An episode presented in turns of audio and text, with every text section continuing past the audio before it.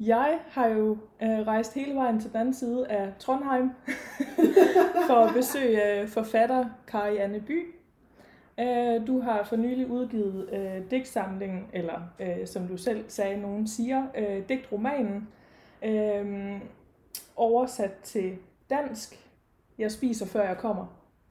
Eller jeg spiser hjemmefra, kunne man måske også have sagt. Øh, jeg har kontaktet dig, fordi jeg øh, har læst den her øh, digtsamling og synes, den er utrolig spændende. Altså, jeg synes, den stiller nogle virkelige virkelig relevante spørgsmål til vores øh, såkaldte Tinder-samtid, øh, som jeg godt kunne tænke mig at øh, diskutere med dig. Men jeg tænker som øh, udgangspunkt for den her samtale, om du vil prøve selv at sætte lidt ord på din digtsamling. Øh, lidt sådan om baggrunden for den, og ja, sådan kort, hvad den handler om. Altså, jeg pleier å si at jeg er fra Kjem ei lekende humoristisk diktsamling om ensomhet. eh, Og Tinder-dating, da. Mm. Eh, For de tingene henger ofte sammen. Bakgrunnen for den er jo rett og slett at jeg var veldig nysgjerrig på fenomenet. Eh, Jeg var jo, jeg var jo på, på Tinder sjøl på et tidspunkt. og altså Før jeg var på Tinder også, så hadde jeg jo venner. Eh, ikke nødvendigvis bare venner på Tinder, men også andre datingplattformer. Og det ble veldig mye snakk om det, og det var et veldig underlig fenomen. vi det var liksom som, det var et forsøk på å forstå det, egentlig. Eh, også samfunnsmessig. Har jo en mastergrad i historie. Jeg har alltid vært interessert i å se eh, hvordan et fenomen eh, foregår i tid og rom. Sant? Altså hva det sier om, om samfunnet. Jeg synes det er veldig interessant med gamle giftermålsmønstre osv. Så, videre. så hva er, hva er dette her? Og så er jeg jo veldig interessert i det at vi, vi er ofte blind for vår egen tid. Eh, og jeg syns det her var et interessant eh, interessant fenomen. altså. Og så var det rett og slett at det, det var det at jeg fikk sånn masse sånn rare observasjoner og historier jeg hadde hørt. og altså det, var, det var liksom sånn Det var rett og slett litt for fristende. Ja. eh, og så, og det, er, det, her, det er jo en historie jeg fortalt før òg, men at det begynte med at jeg sa på en fest Da vi var ganske fulle alle i hop. Eh, med vennene mine. liksom at Vi snakka om litteraturen og vi snakket om dating, og så sa jeg 'Jeg skal skrive verdens kleineste diktsamling!' så flira vi masse av det, og så var det glitter overalt, for det var en sånn fest. Herre, som jeg savner sånne fester. Mm. Sånn morgenen etter. Herre, det var, det var så mye glitter. Det var så mye glitter overalt. Vi hadde glitter absolutt overalt, og det var Ja. magisk. Og jeg hadde fremdeles den herre eh, servietten full av glitter, hvor det står eh, 'Skriv verdens kleineste diktsamling', og 'Kunsten står alene'. Oi, Uh. det, Den du er jo faktisk så djup at jeg ikke helt skjønte det etterpå, hva det betydde. Men, men uh, Ja, man er så dejligt dyb, når man Ja. og så husker man det litt dagen efter. Men, men det som er litt utrolig med denne historien, da, det er jo at jeg faktisk skrev den Mhm. diktsamlinga. Fordi hvis vi tar og tenker på alle de tingene man har sagt man skal gjøre. Når man er såpass påstengt, så er det Og liksom nesten alle vennene mine, i hvert fall dem som jeg, jeg møter litt sjeldnere, er sånn Herregud, du gjorde det! Mm. Du gjorde det, du! Så, ja. Det er faktisk litt av en bedrift. Altså, for jeg har ofte også sittet i sånne situationer med venninner hvor man Ja. har drukket en del vin. Og så er vi blevet enige om, nej, den her gang, så skriver vi ned alle de her ting, vi får sagt, for det er så klogt, og det er så fantastisk. Og dagen efter, så ærger man sig over, at man ikke kan huske det. Men altså, der er jo ingenting af det, som er blevet til noget nogensinde. Øh, og man har glemt, hvor man har lagt det, og ja, nei. Men så, øh, til neste gang kanskje ha eh, notatutstyr sammen med glitteret. For vi hadde, Ja. vi hadde penn i tillegg til serviett, i tillegg til masse glitter. Ja. Så, så, det, så det skjer. Ja, men det er muligt, man skal se at indføre det på, øh, Ja, det tenker jeg. Ja. Ja, øh, men øh, spændende at høre baggrunden for det. Øh, for, for det er jo, som du siger, det her med, at øh, der opstår jo utrolig mange øh, både øh, øh, interessante, men også lidt kleine øh, øjeblikke mm. på Tinder. Og der, der er jo flere, øh, der har... Øh, der har forsøgt at skrive om det øh, og formidle det videre, og det er jo også et eller andet form for social studie. Mm. Øh, og altså, jeg tænker sådan lidt om, mm, altså, det er jo det her med, at det er noget, mange benytter. Øh, og så har jeg et eller andet indtryk af, at man som udgangspunkt øh, har meget imod Tinder. Man har mange indvendinger imod Tinder. Øh, og de fleste snakker jo om det som om, at det er helt umuligt at få det til at lykkes, og Mm. øh, Tinder er fuld af idioter. Mm. Øh, men så er der jo nogen, der rent faktisk får det til. Mm. og en af mine største spørgsmål er jo, hvordan, hvordan får man til Tinder? Øhm, skal man være en bestemt personlighedstype for at få det til?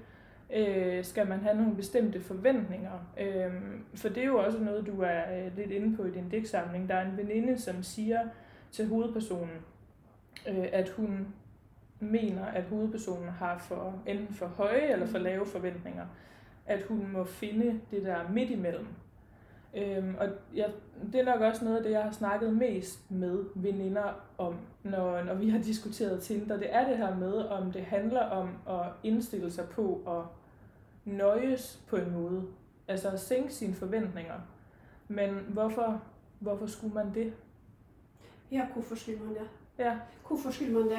Og det, det er jo òg egentlig veldig mye denne tematikken jeg Mm. utforsker her. For eksempel så er det en periode hvor hun inngår et forhold. For hun går jo inn i et slags- slags forhold, eller forholdlignende situasjoner med en del menn som er Det er egentlig ikke særlig bra. Mm. Det er egentlig ikke særlig bra, men hun klarer ikke helt å forholde seg til at det ikke er så bra. Sånn at hun, hun, luft, hun lufter på en måte lufter litt av frustrasjon til noen av vennene. Og noen vil si at jo, men det her er jo også bra, det høres ut, men så får jeg liksom behov for å si at det er ikke så bra egentlig. Men så får jeg ikke altså si det, for de må si alt. sant? De må avsløre at hun kanskje holder på med noe dumt. Og, og at det er det som er så fryktelig vanskelig eh, med altså dating helt generelt. da. Eh, tenker jeg. Og det har det eh, skal jeg si alltid vært, men, men nå har vi en annen dimensjon fordi at vi får multiplisert det. Vi får, altså Det har alltid vært, vært komplisert. Mm. Selvfølgelig. Kjærligheten er komplisert, rett og slett fordi at vi må gjøre noe så absurd som å forholde oss til andre mennesker. Mm. Og forholde oss til vår egen sårbarhet. Og det er helt absurd egentlig at vi helt tør eh, det å være så sårbar som vi faktisk må for å Mm. møte et, et annet menneske på, på, en, på en god måte. Og det er en sånn sammenligning jeg, jeg bruker ganske ofte den her sammenligner det å være på Tinder litt med, med Jane Austen-romaner. Mm. Eh, fordi at der, det, det som er gjennomgående der, ikke sant, er et giftermålsmarked. Uh, og det handler veldig ofte om å finne noen å gifte seg med. Og selvfølgelig fordi at det er egentlig den eneste muligheten kvinner har i hele samfunnet. Mm. Og du har et veldig lite vindu der. Du må på en måte rekke å finne en mann når du fremdeles er ung og attraktiv. Og du vil i hvert fall ikke bli ung peppermø, for det er, det er forferdelig. Og du vil ikke være en vitne for familien din. Det er grusomt. Så, så du må vite, da. Du må være dritsmart, og du må ha ganske mye flaks for å vite om skal jeg sitte høyt og kanskje få han, eller eh, altså, skal jeg ta dette frieriet fra en fyr her som ikke er så bra, eh, men som sikkert har en prestegård som kan forsørge meg. ikke sant? Hva, hva, hva, hva er sjansene mine?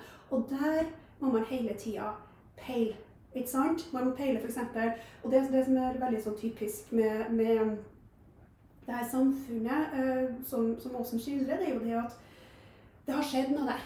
Ikke sant? De gamle adelsfamiliene de er litt på vei ned. Det er landeiende adel. Mens borgerskapet er på vei opp. Og det er new money. Og det, det er sjukt harry.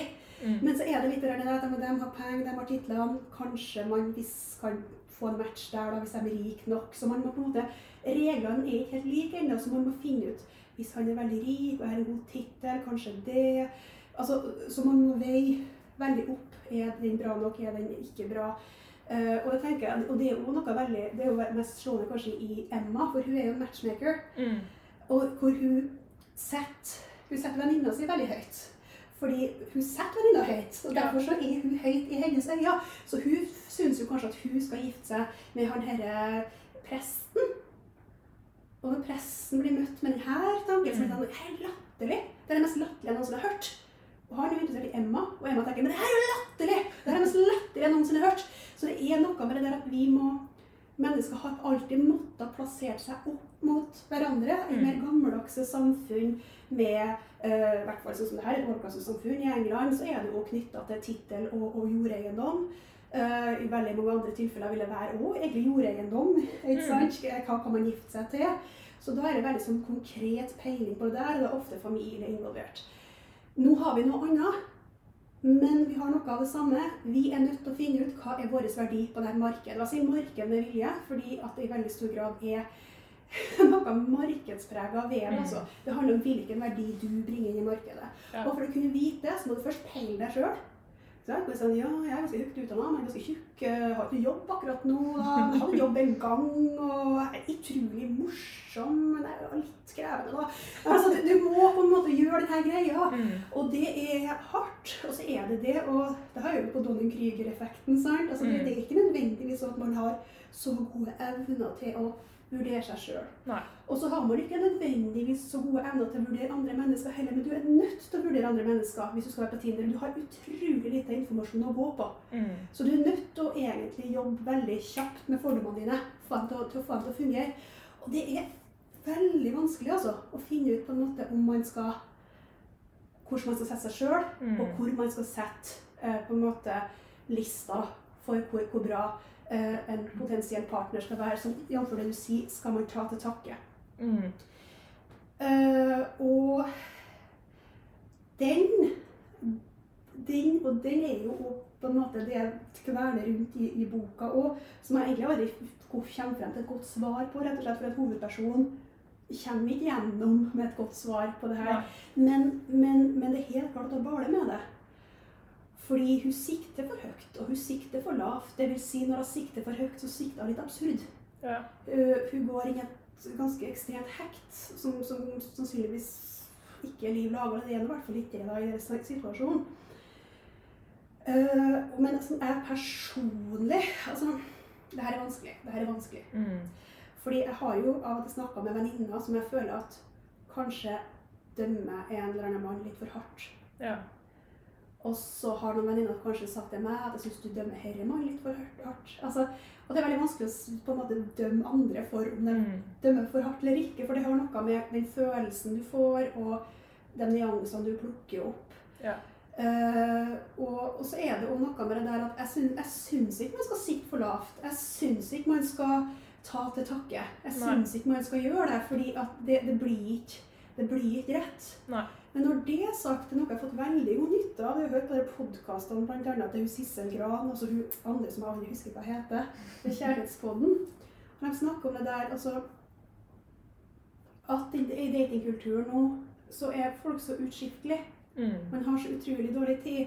Man har liksom historier om folk som sitter på date og sveiper når daten er på do. Da har du, har ikke, har ikke evne til å forplikte. Mm. Og da mener ikke jeg nødvendigvis evnen til å forplikte deg til å kjøpe en terrier og få baby av en Tesla. Det er ikke det jeg mener, men forplikte deg til å være på date med denne personen nå. Mm. Finne ut om det er noe med denne personen nå. Ja. Snakk med denne personen nå. Finne ut om det er noe med denne Mm. personen nå. Eventuelt planlegge å møte vedkommende senere. Og det de gjerne sier i disse podkastene, er at det er ganske mange som gjør seg dårlig på en første date. Mm. Så hvis man på en måte kan ta seg tid til å møte en annen gang Ja, altså man har jo ikke ret mange chancer.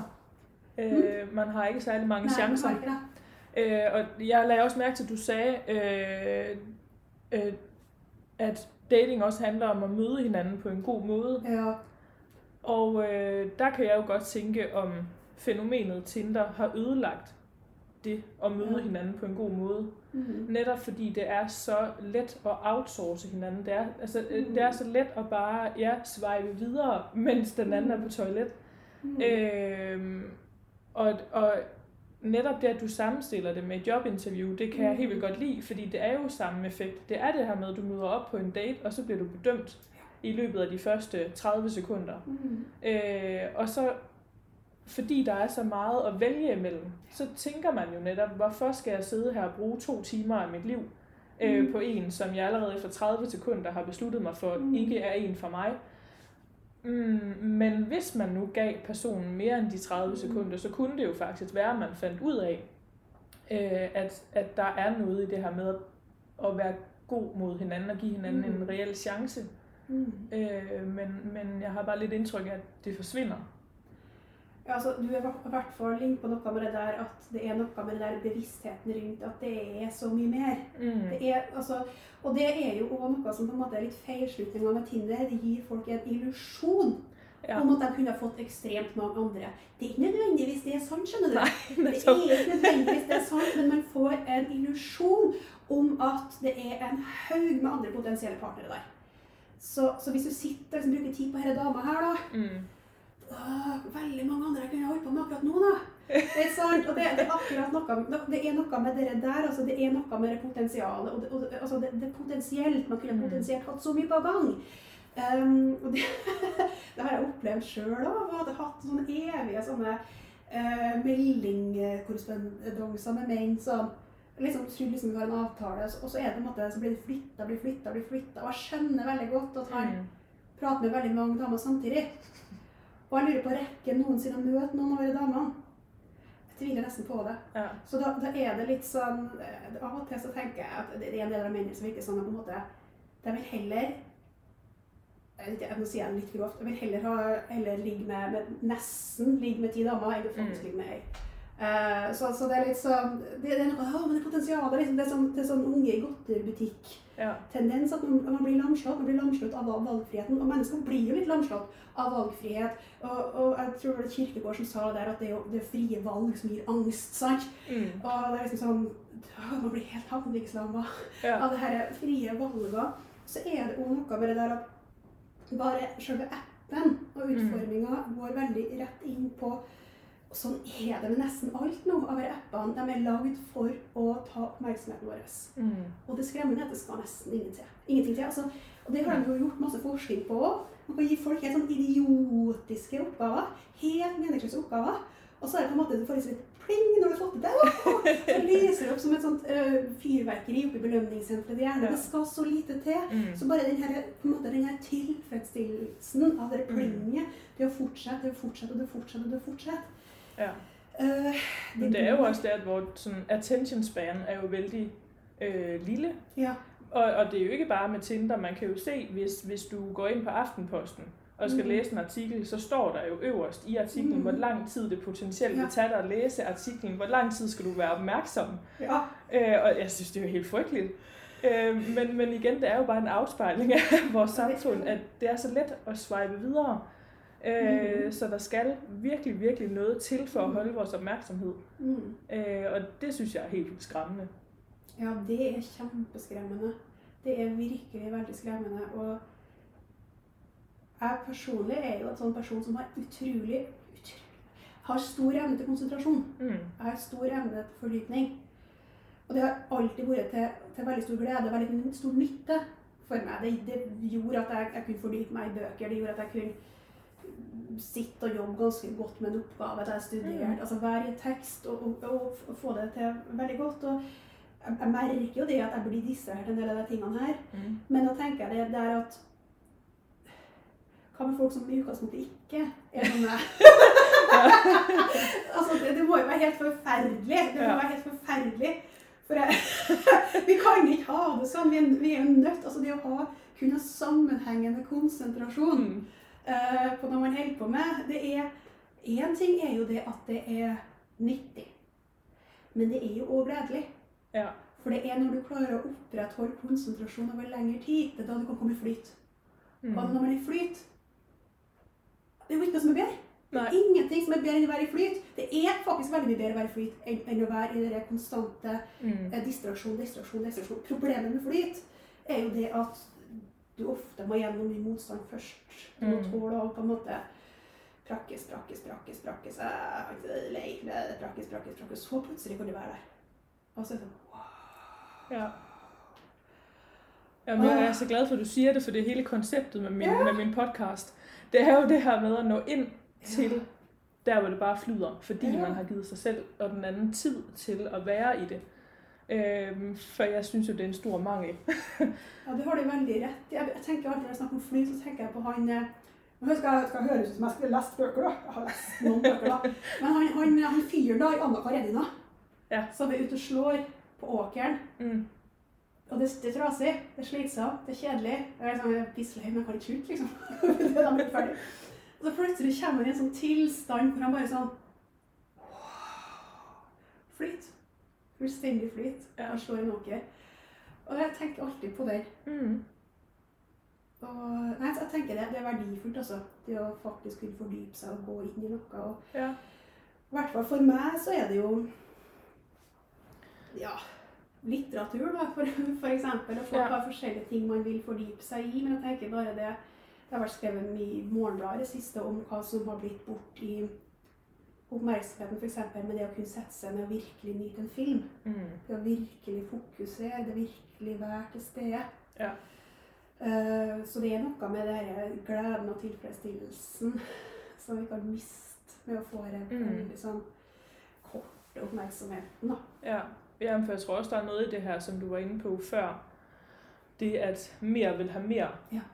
Øh, man potentielt kunne en masse andet. Øh, og jeg sad faktisk og læste øh, lidt øh, på bussen øh, Mhm. herhen, og der kom jeg over øh, en, og jeg synes, det er helt vildt morsomt formuleret, men det illustrerer jo netop det, vi snakker om nu. Det her, hvorfor holde en fugl i hånden, øh, når man kan have hele Tinder på taget. Ja. ja, ja, og jeg synes, det var så... Øh, altså, jeg lå jo højt på bussen. øhm, og, og først så synes jeg jo netop bare, at det var morsomt, men, men da jeg begyndte at tænke over det, så bliver det jo også lidt tragikomisk på en mm. måde. Og netop forbundet til det, vi snakker om nu, med at man, man tænker, at øh, mm, altså, man vil have så mange muligheder, man vil gribe over så meget, men det gør jo også, at man går glip af mange nære ting, kanskje. Ja. Øh, og jeg mærker det jo også øh, hos mig selv, det her med, at på den ene side, så er jeg en person, som mm, jeg tror, jeg, jeg kræver rigtig meget øh, stimulans på den ene side, Mm. for jeg kommer hurtigt til at kede mig. Ja. Øh, jeg har altid haft øh, altså stor udskiftning. Min, min, min vennekreds Mm. har øh, skiftet arbejde tit, og øh, øh, der er altså bosted, og flyttet meget, og sådan, fordi at jeg tænker om mig selv, at jeg har brug for mm, mange udfordringer, for ikke at komme til at kede mig. Men så har jeg også i det sidste tænkt øh, meget på, men hvorfor er jeg nødvendigvis så bange for at komme til at kede mig? Eller, eller er det noget, jeg er bange for at komme til at opleve i den her stillstand? Og, jeg, og jeg tror også, du er lidt inde på det i din digte, det her med, hvad er det, hvad er det, som gør, at man ikke får det til? Er det en eller anden frygt for det, man måske kan finde, hvis man Mm. får det til? Mm. Ja, men Det der synes jeg er interessant. Jeg på å skru av og på på ovnen for det, det er distrahert av det. Ja, eh, jeg er redd for å fryse, og så redd for lyd. Eh, ja, men, men, men altså, ja, hvorfor, hvorfor er du så redd for, for stillhet? Eh, Hvorfor er du så redd for kjede? Mm. Interessant, Pernille. Ja, hvor lang tid har vi? ja, vi, vi har jo skutt på lang tid som helst. Det er jo konseptet her. Ja, frykt for å, for å kjede seg. Ja, ehm, ja nei, men, men altså at, at du legger litt igjen for at hovedpersonen er redd for å, at det kanskje skal gå. At du skal kanskje sikte der at det faktisk kan bli noe. Ja, fordi øh, der er jo den her øh, mand på kaffebaren, Ja. som er en gennemgående skikkelse øh, igennem hele, øh, hele digtsamlingen. Mm. Og det virker jo som om, de to har en fortræffelig kontakt. Ja. Og jeg sidder jo og tænker, hvorfor? Mm. Hvorfor bruger hun så meget tid på Tinder, når Ja. han står lige der? Ja. Øhm, og, og så kan jeg jo godt få den følelse af, at hun er bange for et eller andet. Øh, noget ubevidst, altså siden hun ikke fanger op, at han, han står lige der. Ja. Det tror jeg, jeg tror det er oppriktig at hun er. Mm. Altså, jeg tror oppriktig at hun er redd. Altså, og det, det er jo å Det tenker jeg kommer frem ganske tidlig egentlig i samlinga òg. At hun, hun, hun og ser på disse mennene en stund. Og, Mm. hun, hun, hun, og det er noe spesielt. Hun, det er en menn hun syns er veldig pen, men du matcher aldri med pene menn Mm. på Tinder. fordi hun du klarer ikke å nærme deg sånn skjønnhet. Så, så det er jo helt klart noe hun, hun er redd for. Um, og jeg tenker at mye av det som skjer her, er jo òg det at hun vet ikke helt hvordan hun skal gripe det an. Hun Mm. vet ikke det. Og vi ser jo at det begynner tidlig med et brudd, sånn så vi ser at hun kommer fra et eller annet. Mm. Um, og det som skjer, er at hun blir gitt et redskap. Du har en kamerat som gir deg et redskap. Mm. Her er Tinder, bruk det. Ja. Og han lærer liksom til og med hvordan.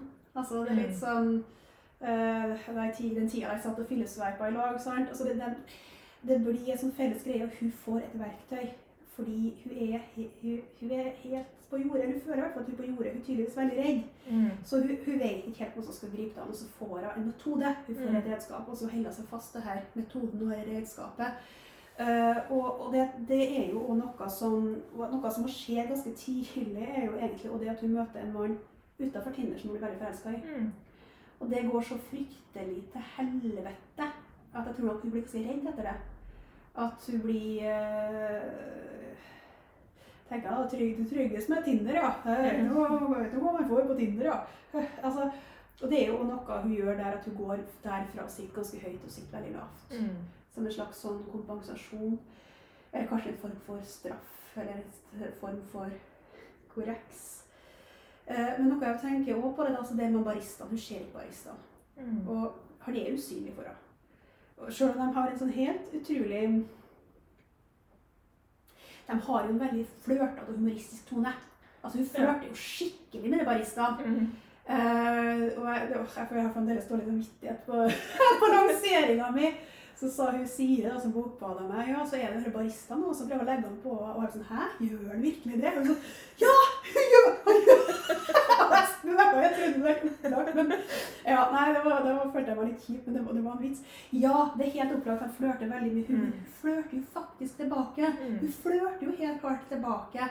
Altså, Hun liksom drikker opp koppen hans. liksom. Mm. Det er helt sånn, altså, Du kan ikke hevde at hun ikke flørter, men hun er ikke klar over det. Mm. Hun er ikke klar over det, for hun er så langt inne i Tinder at hun ser ikke virkeligheten. Ja. Og så er det òg noe annet med denne baristaen som jeg tenker også er litt sånn viktig. da, Det er jo det at han er i et serviceyrke. Mm. Og mennesker i serviceyrker er ofte usynlige. Mm. Ikke for at vi ikke ser på dem som mennesker i den forstand, men fordi vi er vant til å forholde oss til dem som servicevitere. Ja. Uh. Vi er vant til at en, en servitør kanskje er litt jovial eller kanskje har litt flørtete tone ut. at vi legger noe i det, fordi at de jobber for tips. Og det er litt sånn ja. Nettopp, og man tænker, det har ikke noget med mig at gøre. Det her gør han til alle. Ja, ja, ja. ja, ja. Herlighet. Absolutt, altså.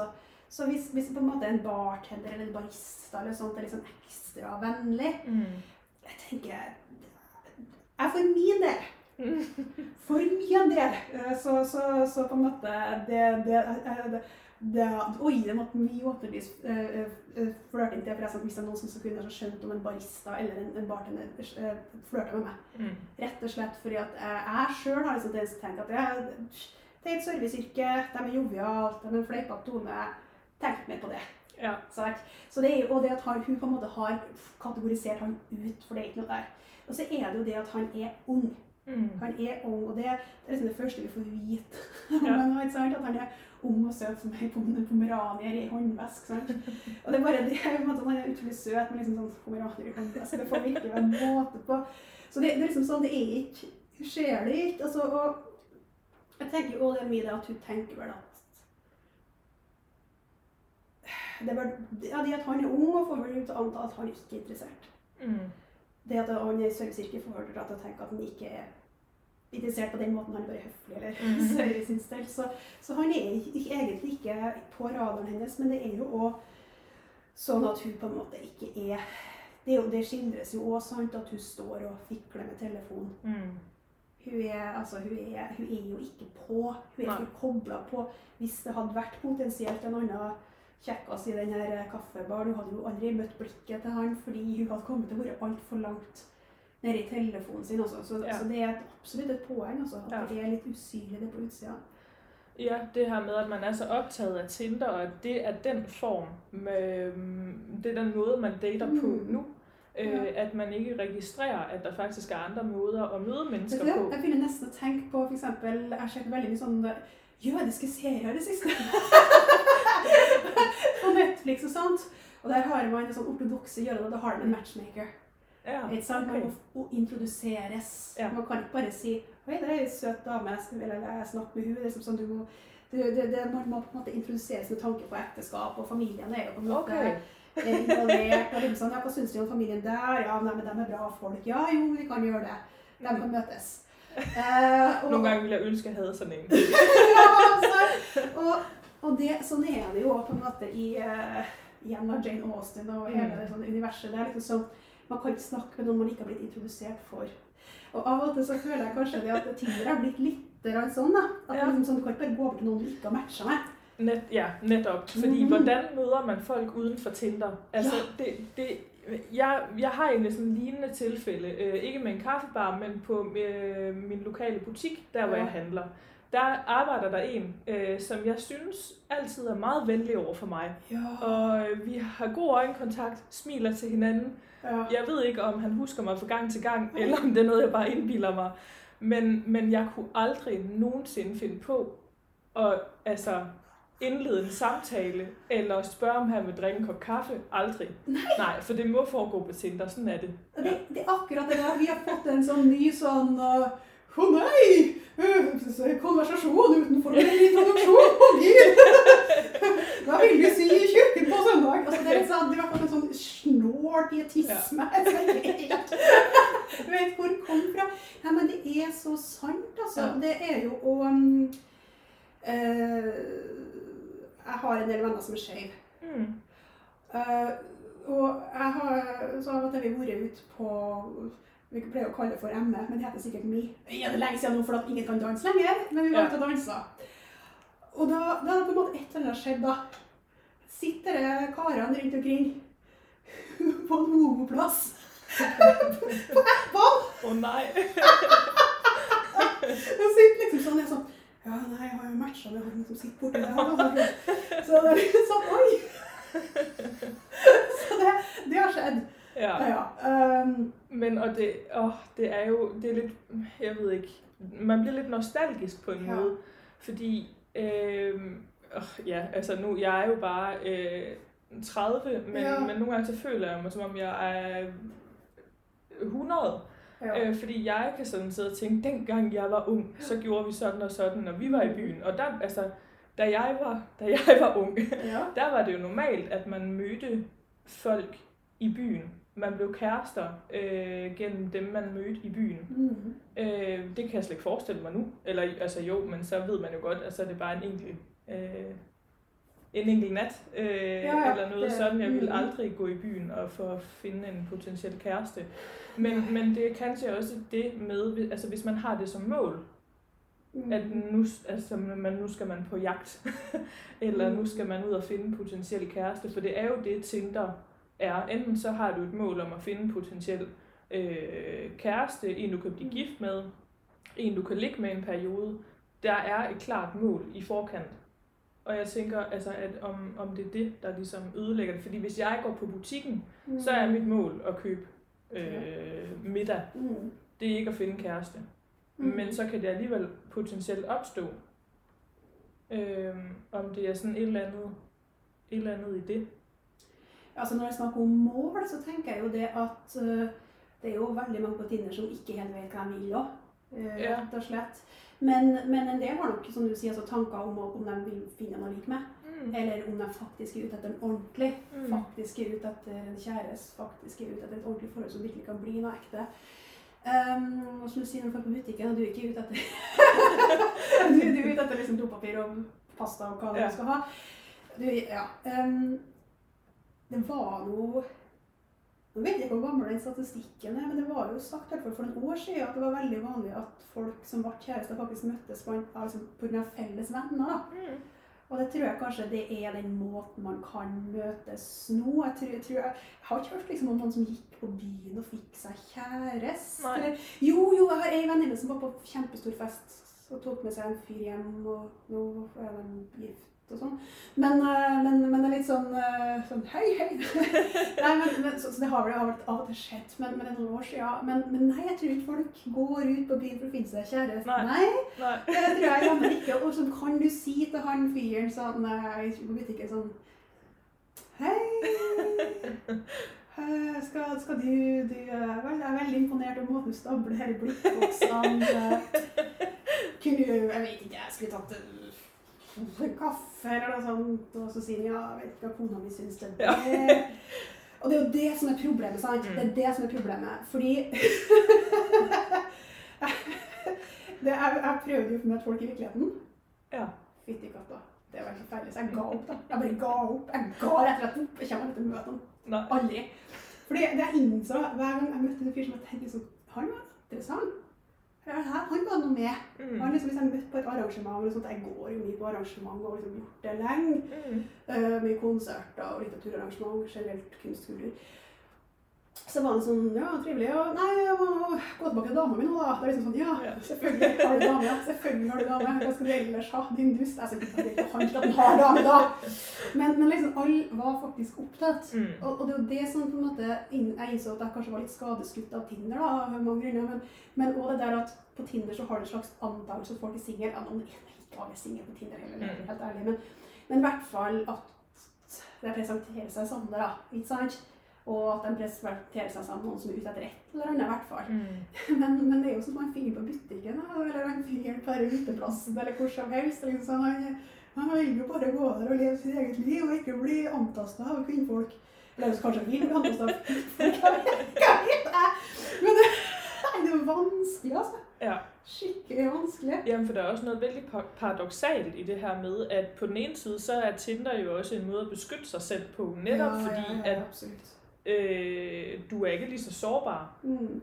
når du er bag en Tinder-profil, og du ikke ved, hvem der potentielt har valgt dig fra, Mm. øh, som hvis du henvender dig til nogen på butikken eller i Mm. byen og får en afvisning, en Mm. direkte afvisning, det rammer jo meget hårdere. Absolut. Øh, men samtidig så øh, gør Tinder jo også noget mm, på mange måder negativt for rigtig mange selvværd Mm. og, og selvrespekt, ikke mindst. Mm. Det er i hvert fald det indtryk, jeg får, Mm. øh, når jeg læser de her digte, at øh, hun har øh, store problemer med, med, med sit selvværd og sin selvrespekt, som egentlig bare optrappes, jo mere hun bruger Tinder. Eller Ja. nedtrappes, kan man vel sige. Ja. ja, og til slutt så, så får jeg nok.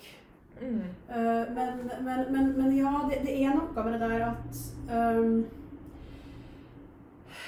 Det er fort gjort Altså, jeg tror det er noe som skjer med en sjøl Mm. når man behandler andre mennesker som varer.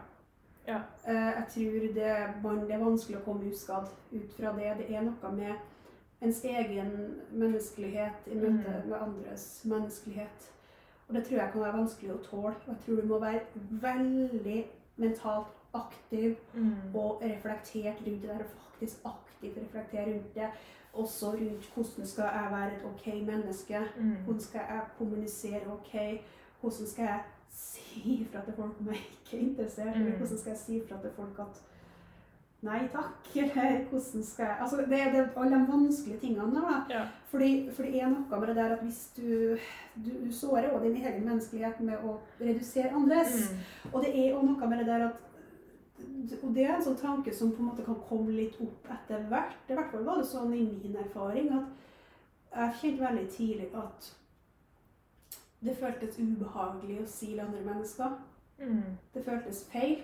Det føltes, det føltes som noe galt. Ja. Mens etter hvert så ble jeg klar over at herregud, jeg blir jo silt. Jeg blir jo silt. Og dømt. Uff, det er ekkelt. Ja. Det er, det er veldig ekkelt. Altså. Så det er noe med at vi blir på en måte, vi blir til varer, vi blir utskiftbare. Mm. Uh, vi er utskiftbare, for det kommer alltid, alltid noe nye. Men så er det, skal jeg på en måte være litt sånn djevelsk advokat her og snakke litt grann i floskler, men, men det er òg noe med redskap. Mm. Så skal jeg si for Du må kan slå noen i hodet med en hammer, og du kan jo snekre et hus. uh, og det, det, og det, er, det er det noe sant i. Mm. Um, det var ei som Jeg husker ikke, nå, skal jeg referere til en masteroppgave jeg ikke husker. da, men Det var på radioen om ei som skrev en masteroppgave jeg tror det var fra Universitetet i Oslo. Uh, som så på, uh, på, på Tinder. og det, Hun hadde en del funn som tyda på at folk som var ganske sjenert, Mm. hadde mer hell med Tinder enn i virkeligheten. Og at det var en fordel eh, for sånne. Mm. Uh, og det, det kan jeg faktisk se, altså. Ja. Fordi at det er noe med det der at vi snakker om at hvis du skal gå bort til et annet menneske og Mm. gjøre deg helt konkret sårbar, så må du fysisk gå bort. Du vet ikke om vedkommende er ledig, du Mm. vet ikke om vedkommende er interessert. Du vet egentlig ingenting. Du bare vet at sannsynligheten for å bli avvist er ganske stor. Mhm. Det er skummelt. Men på Tinder så kan du i hvert fall ha en sånn slags indikator da, at man må jo ha matcha med hverandre Mm. for å kunne kommunisere. Og så kan man da anta at vedkommende er interessert i omtrent det samme. Mm. Så kan man ta utgangspunkt i profiltekst, profilen, tolke noe ut av det.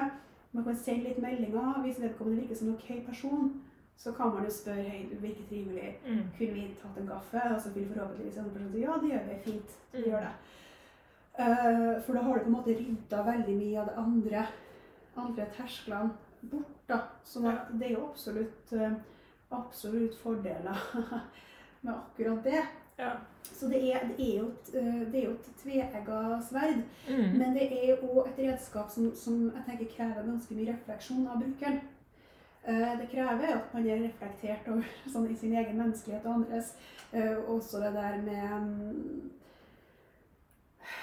ja, være litt forsiktig og på en måte bli, ikke bli hekta den herre det er utrolig artig å sveipe, da! Se hvor Mhm. utrolig mye likes jeg kan få! For hvis målet ikke er for mye likes, eller et eller annet sånt, spill Candy Crush, da. Ikke sant? Det, da får dere klinga noe i hjernen din. sant? Det belønningssystemet som går Ikke, ikke spillfolk. Nei. Så det er, det, er litt, det er litt sånn Det er mitt tips, da. Ja, Nei, men-. Ja, og ellers, hvis jeg skal være sånn helt konkret, det lønner seg å ha liksom, få matcher på gangen. Prat med folk, prøve å være litt ok. Og selvfølgelig eh, Det har ingenting for seg å gå på date med folk som virker helt forferdelig. Bare for at man skal gi alle en sjanse. Her er sånn Kariannes visdomshjørne! ja. Nei, men, men, men altså, fordi at jeg, jeg tenker man må prøve, prøve å være reale, men samtidig ikke ta noe skit. Mm. Fordi at man kan bli utsatt for en del skit. Ja. Ja, man kan bli utsatt for energi, og man kan også få folkene og det er veldig ubehagelig, det er mennesker som bare plutselig snur. Mm. Som bare plutselig blir ubehagelig. Mm. Uh, og det, det er jo liksom, Rebekka Rebecca Solnit som skriver om den der, liksom, korte veien mellom eh, desire and rage. Mm. Altså at, det, at i en sånn giftig maskulinitet så har du den veldig, veldig korte Ja. veien mellom de to. Ja. Og det er jo noen menn som er sånn. Ikke sant? Og det tror jeg er Kvinner er ganske opptatt av å peile. Ja. Altså at vi faktisk ganske aktivt gjør det. Eh, men så det er sånn ubehagelig, altså. Men eh, og det, det var, jeg har hatt noen sånne ekle opplevelser og sånt. Altså med eh, heldigvis på en måte folk jeg ikke faktisk har nødvendigvis møtt, men som på en Mm. måte har blitt ganske ubehagelig på melding Mm. ganske kjapt. Fordi at jeg har sagt et eller annet jeg ikke helt helt tok humoren deres. eller noe sånt. Mm. Ble kjempeaggressiv. Og det er ganske, ganske ubehagelig å bli skiftet der. Ja. Det er, det er ganske ekkelt. Ja, men det er kanskje også fordi det er den her litt pressede situasjonen som det er. Øh, at man på den ene side har helt, man har måske nogle forventninger, øh, man udstiller litt seg selv, øh, man føler seg måske ikke øh, set eller hørt, eller hvis det er en mand, som har siddet på Tinder i 10 år uden at få en date, Jeg skjønner hvorfor han ikke har fått en date. Ja. Sånn, ja, og slett. Men at det ligesom bygger sig op. Men, men jeg tænker også på det, du siger med redskaber, og det her med Mm. ligesom at vurdere, hvilke kort man selv sidder med på hånden, og Ja. hvordan man skal optræde, hvordan man behandler andre. Det er så utroligt let at blive påvirket og blive slap på Ja. Tinder. Øh, fordi at Ja, man, man kan sidde med en eller anden intention om at, at tænke, jeg skal svare alle, jeg skal være hyggelig med alle, Mm. jeg skal give folk en chance. Mm. Øh, jeg skal, hvis jeg får en, en melding, så svarer jeg. Og, Mm. mm. altså, fordi er der en ting, som virkelig kan bringe mit PCK, så er det, når folk ikke svarer. Og det er uanset om det er øh, Tinder, om det er e-post, om det er meldinger, eller om det er Messenger, jeg kan ikke tage det. Altså, fordi øh, særligt det der på Messenger, når du kan se, at vedkommende har set din besked, åh, jeg bliver helt, altså så, så kan jeg ikke foretage mig andet. Så, og, altså det er virkelig, det er sådan en, jeg tror det er en sygdom, jeg har. At, at, altså det er så stor en belastning for mig, at jeg kan ikke tænke på andet, før folk så har svaret. Men det kan jeg ikke prøve å tenke på du Pernille? Det, at det tok også lang tid før jeg svarte på den meldingen du sendte. Ja, for jeg var litt sånn, jeg var sånn Jeg ble litt sånn jeg ble, jeg ble litt redd. jeg skal være liksom på podcast. Jeg var liksom, nei, jeg har i hvert fall hørt høre andre som først. Andre, nei, jeg hørte andre Åh, det har her var kjempekleint. Beklager det der. Altså, jeg Nej, og det er, jo, det er jo netop det her med, at der er altid en grund. Øhm, men, Jeg men, at ikke om det, tilstanden din. men, men at, åh, at der er så mange ting, man ligesom må, fortsat må takle. Selvom ja, Tinder er måske også et godt redskab til mange ting, men så kommer man ikke udenom de her naturlige, øh, menneskelige sammen, sammenstød, eller hvad man kan sige. Mm. Øh, det må man stadigvæk forholde sig til. Det må man stadigvæk øh, kunne takle. Øh, og jeg tror, altså, jeg tror, det bliver sådan lidt, ja, jeg ved ikke, udvisk, eller jeg ved ikke, om det bliver udvisket, men det bliver jo, ja, det bliver udfordret. Og så, så er det, som du siger, man må, man må fortsat huske og tænke på det. Man må fortsat reflektere over de her udfordringer. Mm. Øhm, ja, enten det, eller også så må man slette Tinder. eller, altså, Ja. at, om, mm, jeg tror også, man, man kommer til et eller andet naturligt punkt, hvor man, så har man fået nok. Eller, Mm. øhm, og altså, det gør jeg jo nok sådan cirka en gang i ugen. Øh, for nok sletter Tinder. Sletter du Tinder en gang i uka? Ja. Ja. Øhm, Ja, det kan jeg forstå. Men at du hele tatt klarer å manøvrere nok eh, energi til å faktisk opprette en Ja. Ja, nei. Ja. Eh, Jeg bare sånn, jeg kjenner Åh, gud, det er fryktelig slitsomt. Det er Ja, ja det er det virkelig. Og, og det er litt, jeg tror, det er det, jeg flygter fra, hvis jeg flygter Ja. fra noget. Så er det, jeg synes, det er øh, slitsomt. Det er slitsomt, og det brenner energi. Ja. Det brenner energi. Jeg liksom tenker på Tinder og ser jeg for meg de oljeplattformene som har dere fakkelen på. Liksom fakkel som brenner gass. Som sånn Mm. brenn, brenn, brenn. Det er liksom å være på Tinder. Mm. Ja, sånn å være en oljeplattformbrann. ja, Det er å være på Tinder. Ja. Sånn min energi. Nei, altså det krever veldig mye energi. ja. Men, men det er jo også, som du sagde helt indledningsvis, at alle relationer kræver jo noget. Ja. Alle relationer er slitsomme, det er måske Mm. også det, man skal så huske på. At det er jo ikke, Tinder er jo ikke en nem løsning. Det er jo ikke ment for at være en nem løsning, for, for det er ikke nogen, der er ikke nogen relationer, der er en nem løsning, eller bør være en nem løsning. Nei, og det er akkurat det at relasjoner er, Nei, relasjoner er ikke lett. Nei. Relasjoner er kjempevanskelig, og det er jo nettopp det som er vanskelig relasjoner, tenker jeg. Og den derre peilinga, litt som vi snakka om Mm. tidligere òg. En ting er hvor mye skal jeg bære, og når knekker jeg? Mm. Hva er ting Hvor raus skal jeg være, når Mm. skal jeg sette grenser? Ja. Og det, det er jo liksom at når man bygger et forhold sånn, så, sånn, så er man på en måte Man er nødt til å putte noe inn i det litt sånn annet hver gang. Mm. Og så er det at man kan jo heller ikke på en måte holde regnskap. Sant? Altså, ja, men nå har du gitt altfor lite! Mm. 'Og jeg! La oss krangle om det her! La oss sette opp et regnskap på hvem som har gitt mest. Det går heller ikke. Og noen ganger vil man trenge mer. Mm. Og så må man skjønne, og så må man uh, være forståelsesfull, og så må man være raus. Men så må man heller ikke strekke seg så langt at man knekker. Man kan ikke knekke heller. Så, så det er jo kjempekomplisert. Og tenke, jeg tenkte der på det, Du hørte i podkasten min med Anne Ørstavik. og hun, hun jobber jo veldig med det her med tilknytning. sant? Mm. Det med, med nærhet, relasjoner, sårbarhet. Ja. Og det er jo akkurat det som hun snakker om. Altså at det her det ligger, det ligger i oss Mm. det ligger i oss fra vi er babyer, kanskje før, som hun sier. Mm. Det ligger i oss det her behovet for tilknytning. Og fordi vi har dette veldig dypfølte behovet for tilknytning, så, Mm. så er jo òg alt det andre forferdelig vondt. Ja. Det er forferdelig vondt å bli avvist. Mm. Det er jo ganske vondt å avvise. Um, og og vi, vi leter jo hele tida etter noe som er trygt, men vi, vi, vi er jo ikke alltid like rasjonelle når vi gjør det. Vi, vi kan jo gjøre dumme ting. Vi kan gå i dumme forhold, vi kan gå, gå med dumme løsninger, vi kan gjøre mye dumt. Kanskje for at vi er redde. Mm. Sant? Men man er dumme, redde folk gjør mye dumt. Uh, så så det, det er jo kjempekomplisert, og det er jo litt noe jeg prøver å si litt i denne boka mi òg. Jeg vil normalisere noe. Ja. Jeg vil normalisere noe fordi at det jeg skisserer, eller føler at jeg skisserer i denne boka, det er en sånn, et samfunn hvor det er en dyd å være fleksibel. Mm. Man skal være et fleksibelt menneske.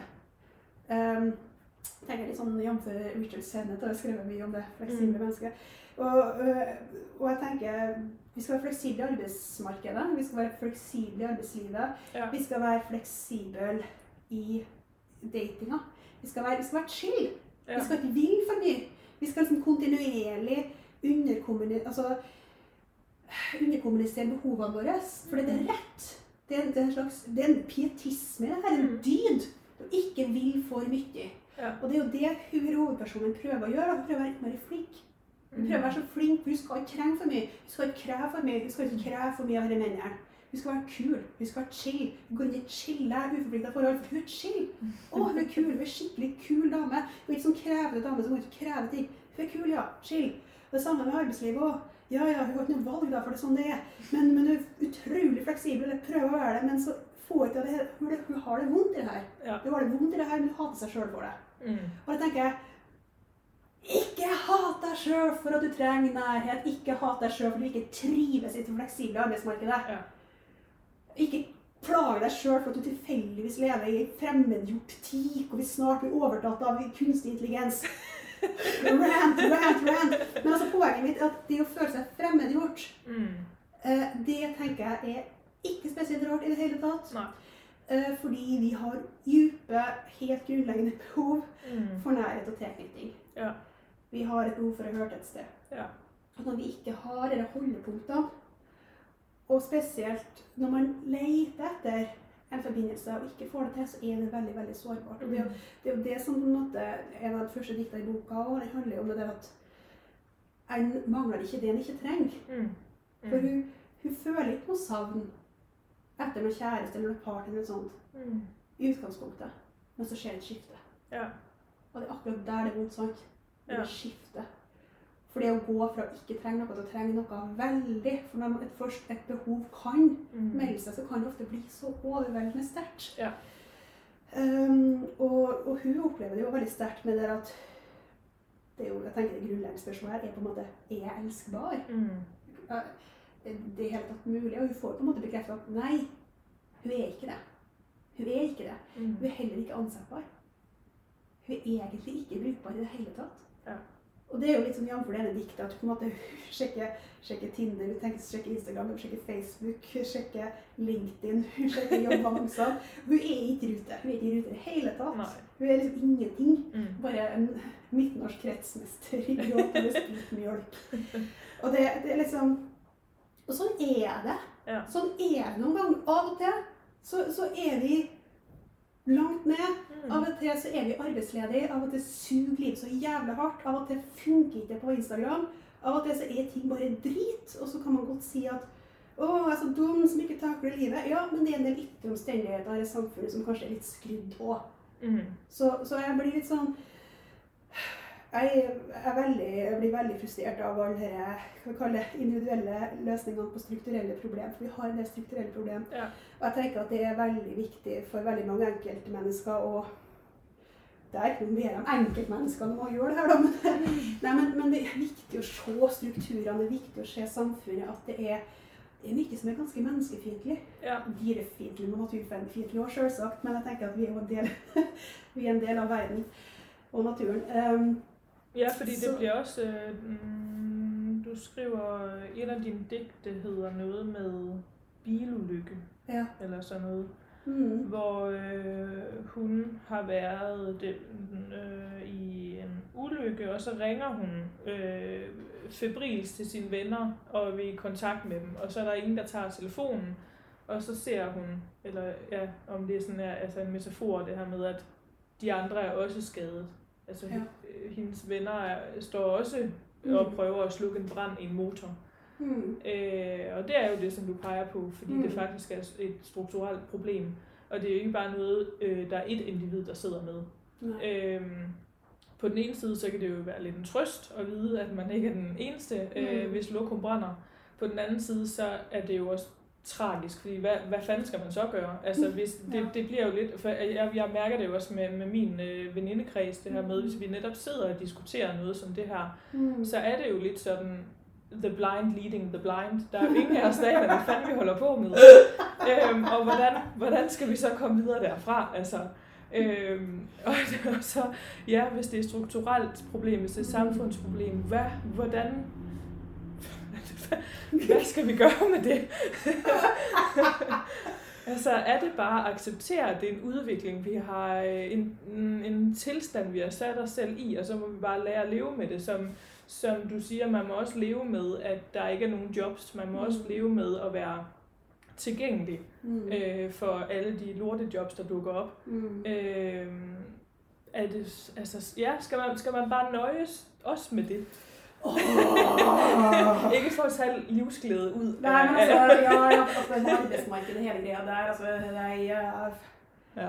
Jeg vet ikke, her trenger, trenger kraftig organisering, og vi trenger lønn å leve av, og vi trenger det, oh, jeg, blir, jeg, blir, jeg Nei, nå er jeg helt Nei, altså, nei, men det er uh, Jeg har tydeligvis ingen kjempegode svar. Jeg skriver bare bøker om hvor, hvor jævlig det er. Altså, ja. Så får den andre, andre av akkurat det der, da. Ja. Men, men, det er også å bare Jo, men, men altså, det, det, er den lille greia jeg gjør da, føler jeg, eller tenker jeg, det at hvis jeg kan peke på noe av det ytre, mm. så at man kan på en måte se at ok, det er en del ytre omstendigheter. Ja som er uheldige, som mm. kan påvirke en sjøl. Ja.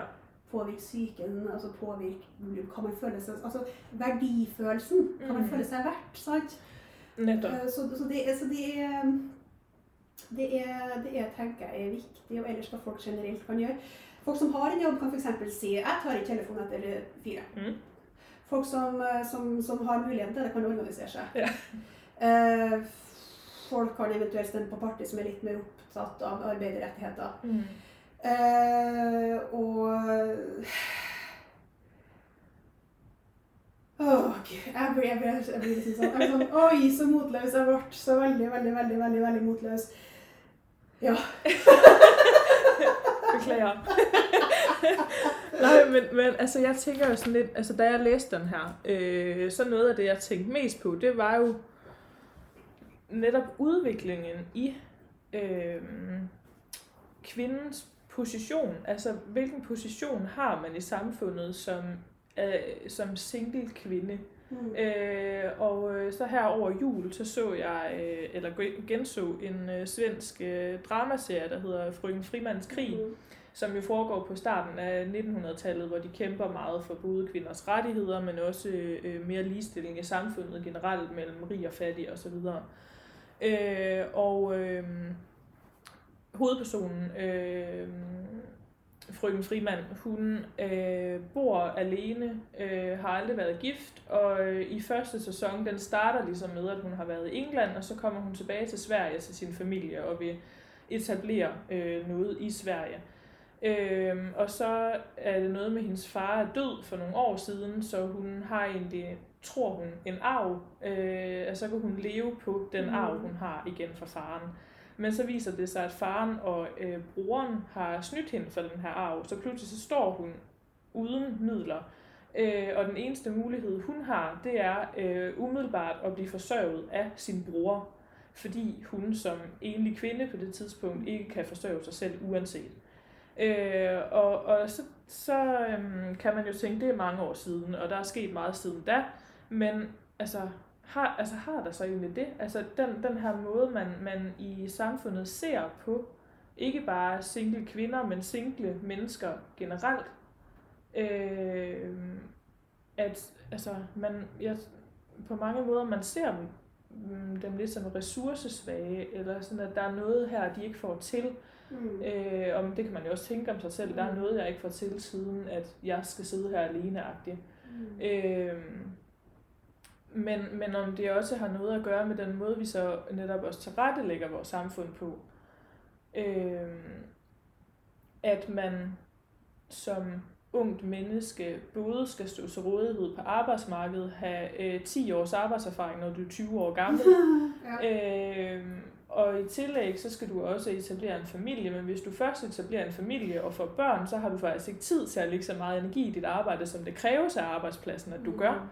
Så, så det er ligesom, der er en, en der, der er sgu noget, der ikke passer sammen. mm. øhm, og, øh, og jeg synes øh, netop det her med, at, at du så stiller, stiller datinglivet op med jobsøgning, Mm. jeg synes, jeg belyser det rigtig godt. Og igen, det er jo ikke, det er jo ikke som du selv siger, det er jo ikke, fordi det kommer med noget svar på det, men det er bare det at belyse det, benævne det, og drage den parallel og vise, at, at der er noget at hente i det her. Og så må vi finne ut av hvordan. Ja, altså jeg, jeg tenker Sammenstillinga handler jo om både det at vi skal jo få til alle de tingene. Vi Mm. skal jo få til alle de tingene. Eh, og litt sånn jf. det du begynner med, hvordan, hvordan ser vi f.eks. På, på single kvinner. Mm. Uh, jeg, jeg tror nok en del single menn blir sett litt ned på òg. Ja.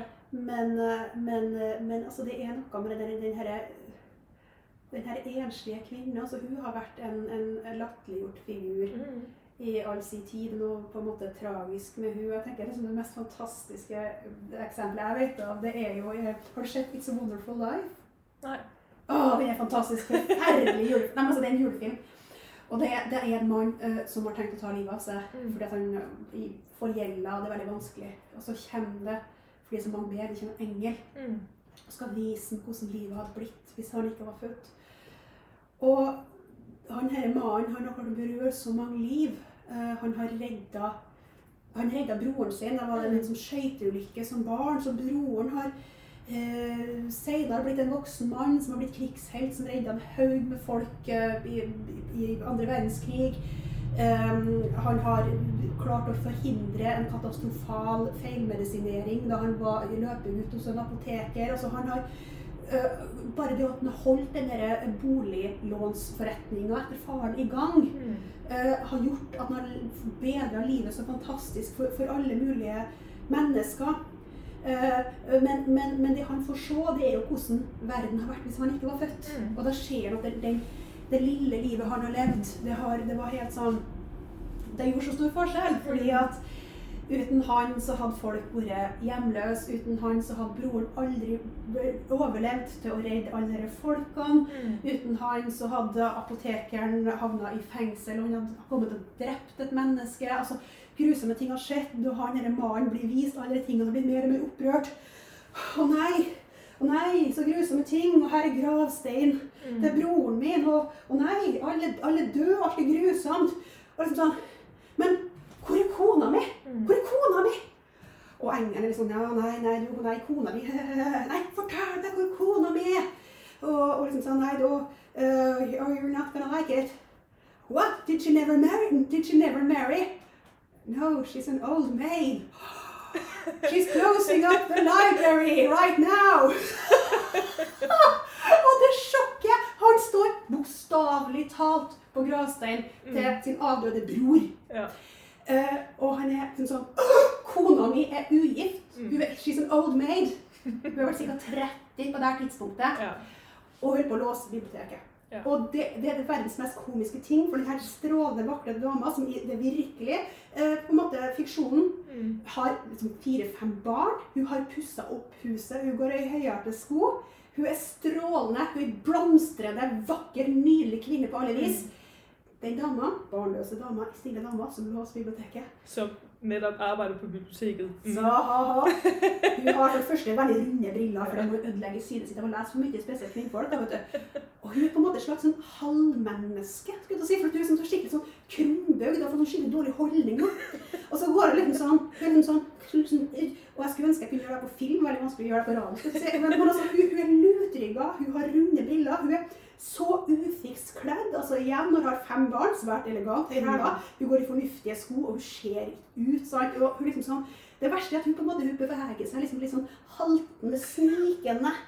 Og han på en måte ser henne og sånn Wait, wait, Mary, Mary! Og hun springer og sånn no, no! Hun pisser ikke, sant? For at det er en fremmed mann, det er det. Men, men poenget at hun er et sånn forkrøpla vesen. Mm. Og det er så tydelig at det, det det viser her at kvinner blomstrer hvis hun får leve sin natur. Mm. Hvis hun får bli kone og mor. Mm. blomstra Hun er hun er drithot, sant? Hun er kjempehot. Igjen det, hun, det fantastisk lagte håret og de høye hælene og eh, nylandsstrømpene. Og hun er så lykkelig. Og så, Mm. Alt er supert. Men fordi at hun er nødt til å være enslig bibliotekar, så har hun dritliv. Hun har fått dårlig holdning og stygge klær. Altså, hva skjedde der? Hva skjedde der? Og det er liksom sånn, Jeg jeg har en venninne vi ser hvert år, og vi, mest for å flire av akkurat den der. da. Ja. Liksom, i- i- ideen at ei dame er mye mer bedre stand hvis hun ikke har født fem barn og må puste opp et digert hus. Og, altså, mann å passe på Åh, gud. Ja, og her kan jeg så bare indskyde, at jeg har faktisk lige fået job som tilkaldevikar på et bibliotek. Gratulerer. Ja, øh, så jeg føler jo, at øh, det går den vej. Ja, ja, men altså, jeg har, Ser det for mig. Forrige jobben min så var jeg faktisk universitetsbibliotekar. Før det så jobba jeg i arkiv, så jeg har gjort alle veldig sånn usexy jobber. Um, så jo, jo, men sexy librarian, det greier det faktisk. Eh, men å tilbake fra de verdens lengste digresjoner, det er jo at denne peppermøen, eller sånne ugifte kvinner, har all sin tid blitt latterliggjort. Og det er jo for at man kan latterliggjøre. Mm. Og jeg tenker at Tragisk nok, vi så Tante Pose her i jula. Har du sett det? Nei. Og herlighet, det er jo sånn juleklassiker. Det er jo grusom! Det handler basically om at bestefaren og tanta eh, liker like hverandre, men bestefar må skånes, for han liker jo ikke tante! Men han er jo husdyrene som på en måte bestemmer alt. Så Mm. hvorfor kan ikke bare si til han kan du bare slutte å være så kjip med tante? Mm. For at hun er jo hun er skikkelig fæl i kjeften. Det, ja. men, men det er liksom sånn, det er bare hennes skyld! Mm. Fordi hun er sånn latterlig peppermø. Men at han fyren der, en sånn husdyrene, det, liksom, det får passere. Og alt er veldig sånn, hele historien handler om å få de små pikene gift men noen studenter. Og tante Pose gifter seg nesten med en fyr, men så blir hun forlatt ved alteret. Det er komisk fordi at hun er peppermø. Og det er sånn, og det tenker jeg jo, det er jo også en veldig sånn sentrale argumentene på en måte mot kvinnesaken, mot kvinnekampen, Mm. mot kvinnelig stemmerett, mot at kvinner skulle engasjere seg i styrestell. Det er på en måte man oppriktig talt mente at de sannsynligvis kom til å bli stygge av det. Ja. Altså fordi at det er noe med at, at kvinner forringes av å ikke Mm. blomstre som en kvinne vil da gjøre, som, som kone og hustru. Altså, det Mm. er noe, det er naturlig, det er naturlighet i det. Ja. Og, og det er på en måte, jeg tror Vi har noe av det samme i dag òg. Og det ligger litt i det der at Naomi Wolff har jo det begrepet 'the beauty myth', Mm. som handler om det der, altså den her hersketeknikken som alltid kan brukes om kvinner, som også er veldig internalisert. Mm. Det at man må være attraktiv. Ja. Man må være attraktiv. Jeg tror du kan som kvinne være singel ganske lenge, så lenge du er ganske hot. Ja. ja. Ja, det, det tror jeg faktisk. Eh, Men det er på en måte litt sånn, men med alder så er det kanskje en aldersgrense der man blir vurdert som hot eller Ja. ikke. Altså. Sånn at jeg, jeg tror det er så fort gjort det blir stempla som tragisk, da. Mm. Mm. Hvis man er singel og i tillegg ikke spesielt hot, så er det litt sånn, da burde du, da liksom, da, men da burde du brukt sjansen din å var yngre og penere, for de fleste folk er jo penere enn unge, sant? så man burde jo gjort det da. Så det er liksom, det er liksom slags som, som oi, er det bortkasta ungdommen din, du burde brukt det liksom, omsatt den her estetiske og erotiske kapitalen din, et eller annet håndfast. Uh. Ja, men mm, altså, jeg, jeg tror, det også har meget at gøre med, øh, hva man tror, man må få til ja. for å ha værdi. Mm. Øh, hvad vil det sige å få noe til? Øh, hvor meget skal du ha fått til, før det er flott, liksom? Mm. Øhm, det er ikke ret lang tid siden, hvor jeg sad og snakket med, med en... Øh, øh, der var en, der sådan kommenterede, øh, åh, du får så meget til, Pernille, hvordan gør du det? Og så inden jeg sådan ligesom nåede at svare, så var der en anden, der sådan sagde, ja, men nu har hun jo så hverken, øh, ikke hverken øh, mand eller børn. Og så tænker jeg sådan lidt, hvad fanden er det for en målestok? Altså, al, så alt det, jeg får til, er ikke værd at anerkende, fordi jeg ikke har mand og børn. Hvad, hvad er det? Altså, men, og i øjeblikket, så, bare, så lå jeg bare af det. Og ligesom gik med på den, men jeg har virkelig sådan tænkt over det i efterkant. Hvad fanden er det for noget? Ja, hvad fanden? Altså, virkelig, hvad fanden? ja. uh, altså, det, der, det der gjør meg jævla provosert. Altså, skikkelig, skikkelig provosert. For det er liksom sånn altså Ja, du har fått dere de tingene. Ja, men du har vært barnebarn. Altså, selvfølgelig har du jo bedre tid hvis du ikke har barnebarn. Ja. barn. Men du har jo gjort dere tingene. ja. Like frem, du har jo gjort dem. ja. Og det, det er litt sånn At, altså, det er litt når man, så skal jeg sidde og føle, at jeg har fejlet, fordi jeg har fået til alt det her, men ikke mand og børn. Ja. Øh, det har jeg lidt svært ved sådan at forstå, hvordan det, eller, men, men det er jo kanskje det, som du siger med, fordi man, man også fortsat har en eller anden øh, opfattelse af kvindens naturlige ja. øh, plads, eller hvad man skal sige, eller kvindens naturlige bestemmelse. Øh, for jeg, jeg kan jo også, jeg, jeg tænker jo også selv sådan indimellem, jeg, jeg tænker da også selv, hvorfor har jeg ikke fået det her til, og er det nødvendigvis noget, jeg skal få til? Og det er jo, en, det er jo næsten en daglig kamp, jeg har med mig selv. Øh, har jeg behov for at få det her til? Eller er det noget, jeg tror, jeg skal få til, fordi omverdenen fortæller mig det? Øh, Mener, mener du da altså, dem, alle de tingene du gjør, eller mener du det, det å få, få barn og familie? Og øh, det er for, for barn og familie. Ja. Ok, det er et godt spørsmål. Uh, jeg leste nettopp til boka til det Sheila Heti, vet du? 'Motherhood'. Øh, ja. Ja. Ja, jeg, Ja. jo, jeg tror faktisk, jeg Ja. har måske læst lidt af den en gang. det, det var veldig interessant, for hun Mm. behandler jo hele den og problematikken. Hun gjør det fra et veldig sånn personlig perspektiv, og jeg syns det er ekstra interessant perspektivet, det er jo det, det jødiske perspektivet. Mm. Fordi hun kommer jo av jødisk slekt. Ja. Og der står det en veldig sterk tanke om å føde tilbake underskuddet, de seks millioner som gikk tapt. Mm. Så det er på en måte noe veldig, veldig sårt, Mm. i det. Uh, samtidig som det er noe veldig mye Det er mye traumer. Det er mye traumer som går i, i arv. Mm. Og vi vet jo om bestemødrene og hvordan de har hatt det. Det det, det er brutale saker, samtidig som hun må forholde seg til det her med Skal hun bli mor? Hva er det, hvorfor? Og hun er jo et skrivende menneske, hun skriver her veldig sånn sjølbiografisk. Og det hun snakker om, det er at som kvinne så må man på en måte ha en stor annen ting man må gjøre. For å på en Mm. måte rettferdiggjøre at man ikke får barn. Og for hun så er jo det å være forfatter at det er på en måte en sånn slags frikort. og det, Hun bestemmer seg for det til slutt òg. At det, det er hennes bidrag til verden, det hun skriver bøker. Mm. Men jeg tenker at det er også interessant eh, refleksjon, at du på en måte må betale et slags avlat. Mm. Hvis du skal være en barnløs kvinne, så må du være en kvinne som presterer kjempehøyt. da, For da må du på en måte si at Se her, hva jeg har lagd! Wow, det er ikke en baby, men en podkast! Altså, så det, og, det, og jeg tenker at det er noe i det. Det tenker jeg, Hun tar opp hun som Jeg husker jo ingen navn nå, men hun som har skrevet 'Aldri, aldri, aldri'. Ja, s- øh, strøms... Nei, ja. Ja. Og hun tar jo opp Lind- Ja, ja, ja. akkurat den tematikken med det at hovedpersonen hennes er ikke en kvinne Mm. som har tenkt å, eller noe behov for eller noe ønske, eller anlegg kanskje heller til, til å gjøre noe stort i Mm. stedet. Hun vil faktisk bare sitte på en benk og chill. Mm. Det er liksom dit ambisjonene hennes går. For at hun vil egentlig ikke ha med baby på den benksittinga. Um, så jeg syns det, det er fryktelig interessant. Jeg, igjen, jeg kommer stadig tilbake til det du snakker om, det der at oi, så mye du får til, men du har tross alt ikke mange barn. Og det er sånn, hadde man sagt det til en mann? Jeg tror Mm. ikke man hadde gjort det. Nei. Man hadde ikke gjort det. Det hadde vært han, vet du, han fyren der. Han eh, han, han Per Nill Nei, han Per! Han, jeg kan ikke han Per. Han Valle har egen podkast og greier. Sin egen tekniker. Kjempeimponerende. Per. Innmari imponerende. Ja, Per er skikkelig kul. Ingen som sier ja, men Per har tross alt ikke unger, så det Ja. Nei. Nei. Ja, det er riktig. Øhm, jeg, jeg synes, det var et eller andet, jeg ville indvende. Øhm, nu tabte jeg tråden.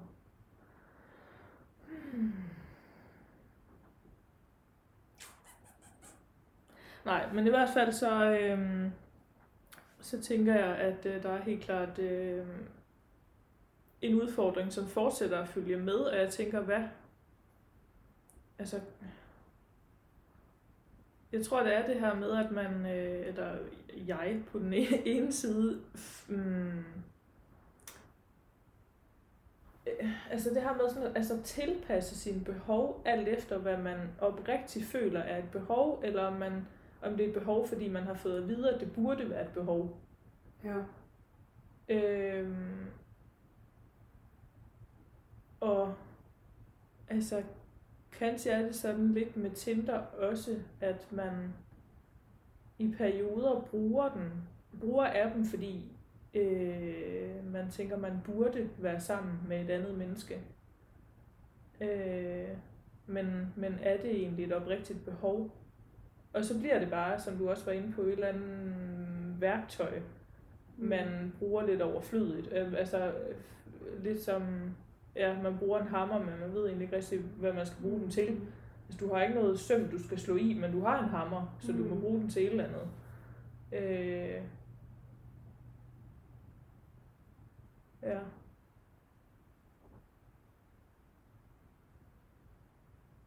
Men tenker du da at folk kanskje eh, er på Tinder ute og egentlig har reflektert over om de har et behov, eller at de bare gjør det for at andre gjør det, eller er det forventning på en måte om at man skal være i parforhold?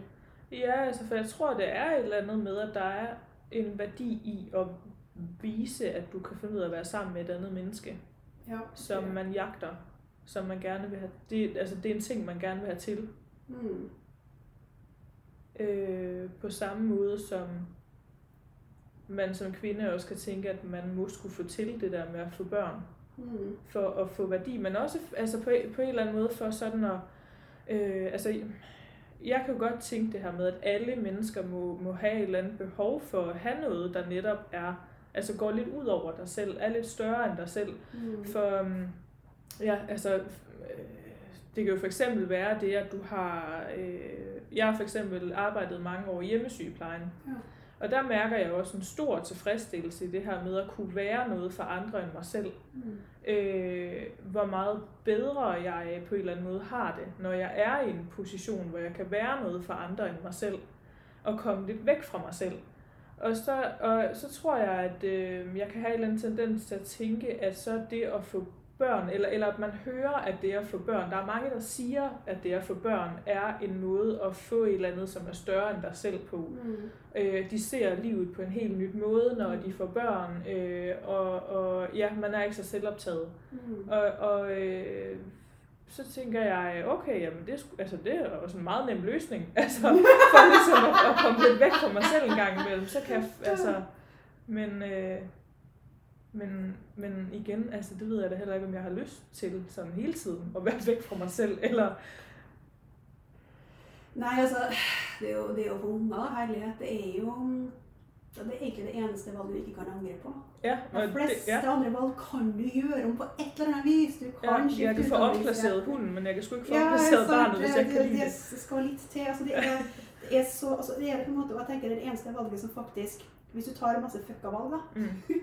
Det er sannsynlig at det kan gå utover deg, det kan faktisk gå utover familien din. Altså, masse Mm. dumme økonomiske valg, f.eks. Men det er det eneste valget som faktisk setter et annet menneske inn i verden. Mm.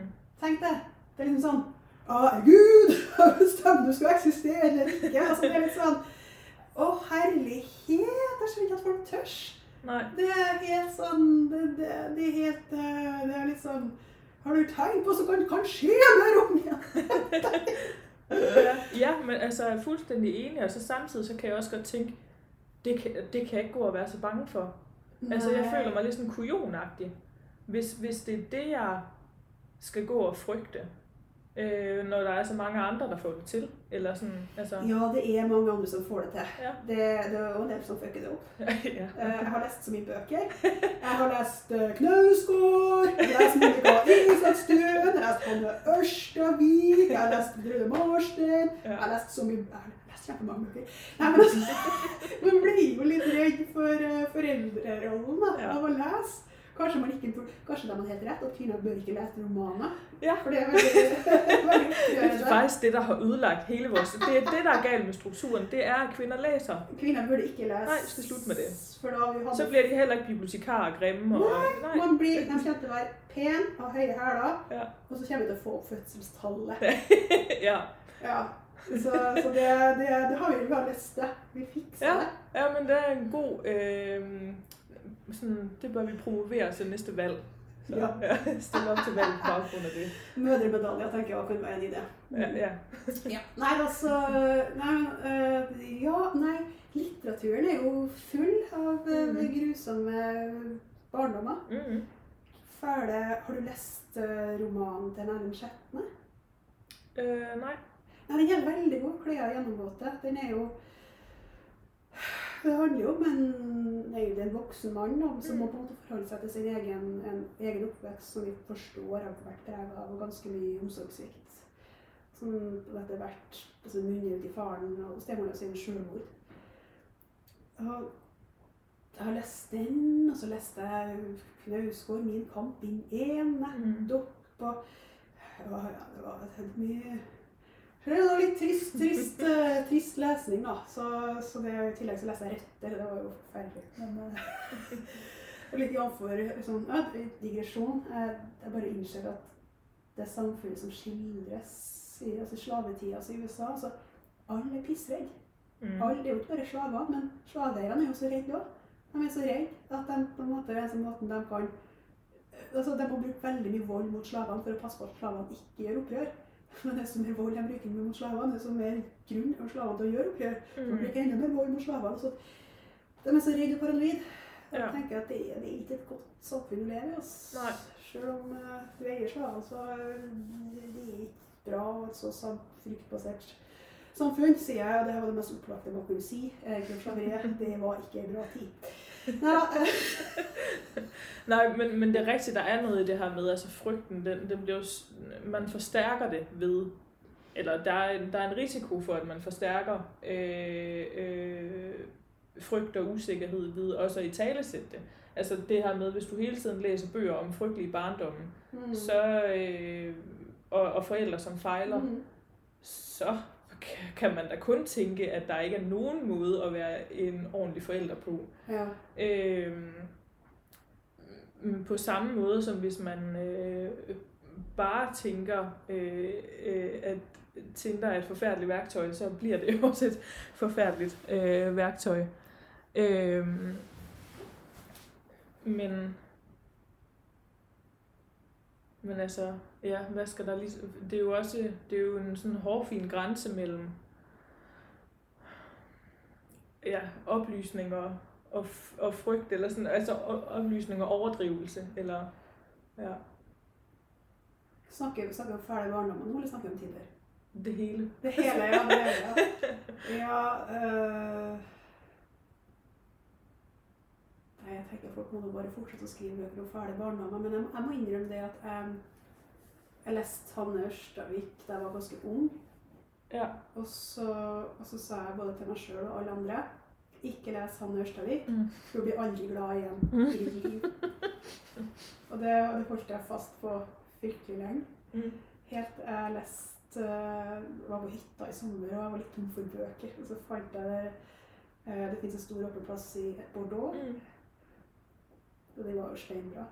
Ja. Den er jo steinbra, og da, hun skriver jo egentlig veldig jeg syns vi beveger oss litt i de lignende tingene. Altså, for mm. der, det handler jo om ei kvinne som er Forelska et helt feil ord, for det er noe mye mer enn det. Det er at hun har et så veldig behov for at en mann skal komme henne i møte. Mm. Uh, og hun trenger herre konkrete Herre mann må komme henne i møte. Mm. Og han gjør det ikke. Han gjør det ikke. Og, og liksom sånn, det er noe med det der at det er en sånn nærhet og sånn tilknytning som hun trenger så veldig, som bare ikke går. Mm.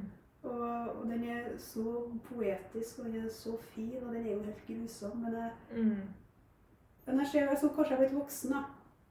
Kanskje jeg kan lese Hanne Ørstavik nå og overleve. ja, ja, altså for det har helt klart noe med perspektiv å gjøre. for jeg leste jo også, øh, jeg stiftet også bekjentskap med Ørstaviks romaner første gang, da jeg var 21 ja. eller 22. Mm. Øh, for det første så forstod jeg det ikke rigtigt, øh, og jeg synes jo også, de var grusomme. Ja.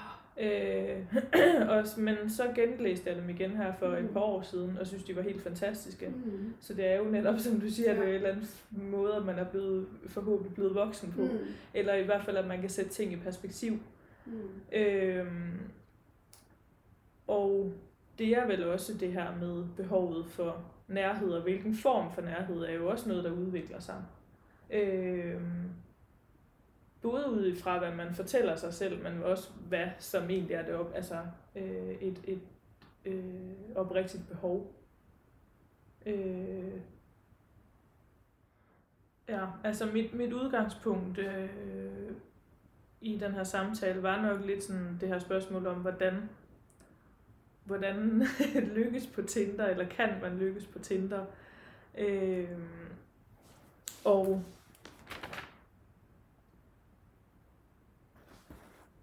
så jeg har også været lidt inde på det før, men, men det her med, at man øh, kan jo godt indimellem føle, øh, at man er ene normale menneske blandt en million øh, idioter.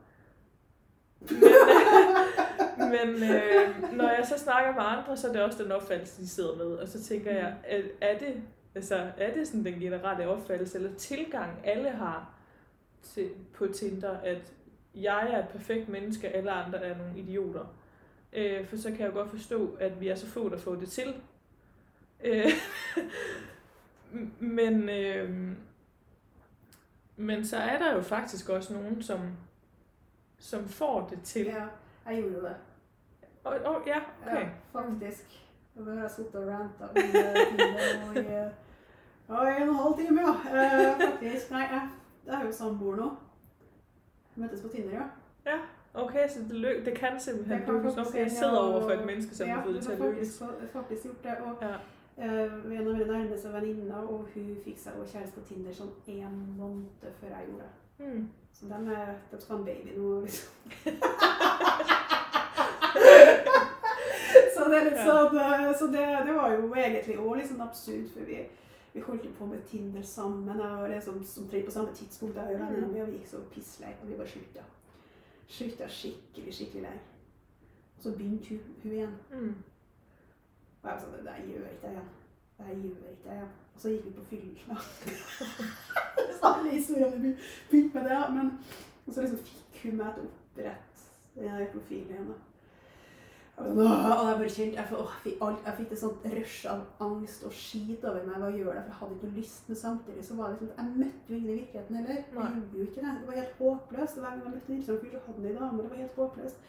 Men jeg var veldig sånn Da bestemte jeg meg sjøl for at jeg, jeg var ferdig med skit. Mm. Jeg var veldig, og ville være veldig sånn klar på hva jeg ville og ikke. Jeg skulle ha veldig få matcher av gangen. Jeg skulle avklare ganske tidlig om det var noe der, eventuelt møtes, og ikke holdt på å skaffe masse matcher før jeg på en måte visste om det var noe ok. Uh, og så bestemte jeg meg for å være veldig aktiv. Mm. For det er sånn felle altså, Det kan forske hvorfor for er så passiv i utgangspunktet. da. Mhm. Der har vi liksom på en måte det forventninga til kjønn. Ja. At på en måte vi liksom, på en måte, hvor, hvor kommer det fra? Jeg tror det kommer fra USA. Det er tanker om liksom, at menn må få lov til å være litt jegere. ja. Det er, hvis ikke så er jeg ikke så jeg må få lov til å jage litt av det. sånn, Hallo! Og liksom, jeg er verdens dårligste feminist. Og så, verdens dårligste feminist! Jeg kan lage T-skjorte trygt opp, for jeg er verdens dårligste feminist. Og, men jeg bare tenkte, vet du hva? Jeg er ferdig med skit. Jeg er Mm. ferdig med skit, jeg er ferdig med spill, jeg er ferdig med Så når, når jeg, så jeg kom prat, prat med noen sånn trivelige folk og så videre, faktisk, og hadde sånn trivelige meldingsutvekslinger, så plutselig er det sånn dukker opp i feeden min, og jeg tenker Han der! Han der!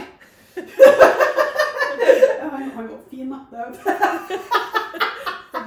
Men altså, han var, han var han var kultur- og litteraturinteressert. Mm. Han hadde en veldig fin profiltekst. Og det er litt sånn Hvor ofte finner du menn som er litteraturinteressert? Mhm. Altså, hvor ofte gjør du det hele tatt? Never. Nei, sant? Aldri. Så jeg på en måte sørga for å liksom Jeg matcha med en og sendte melding med det samme.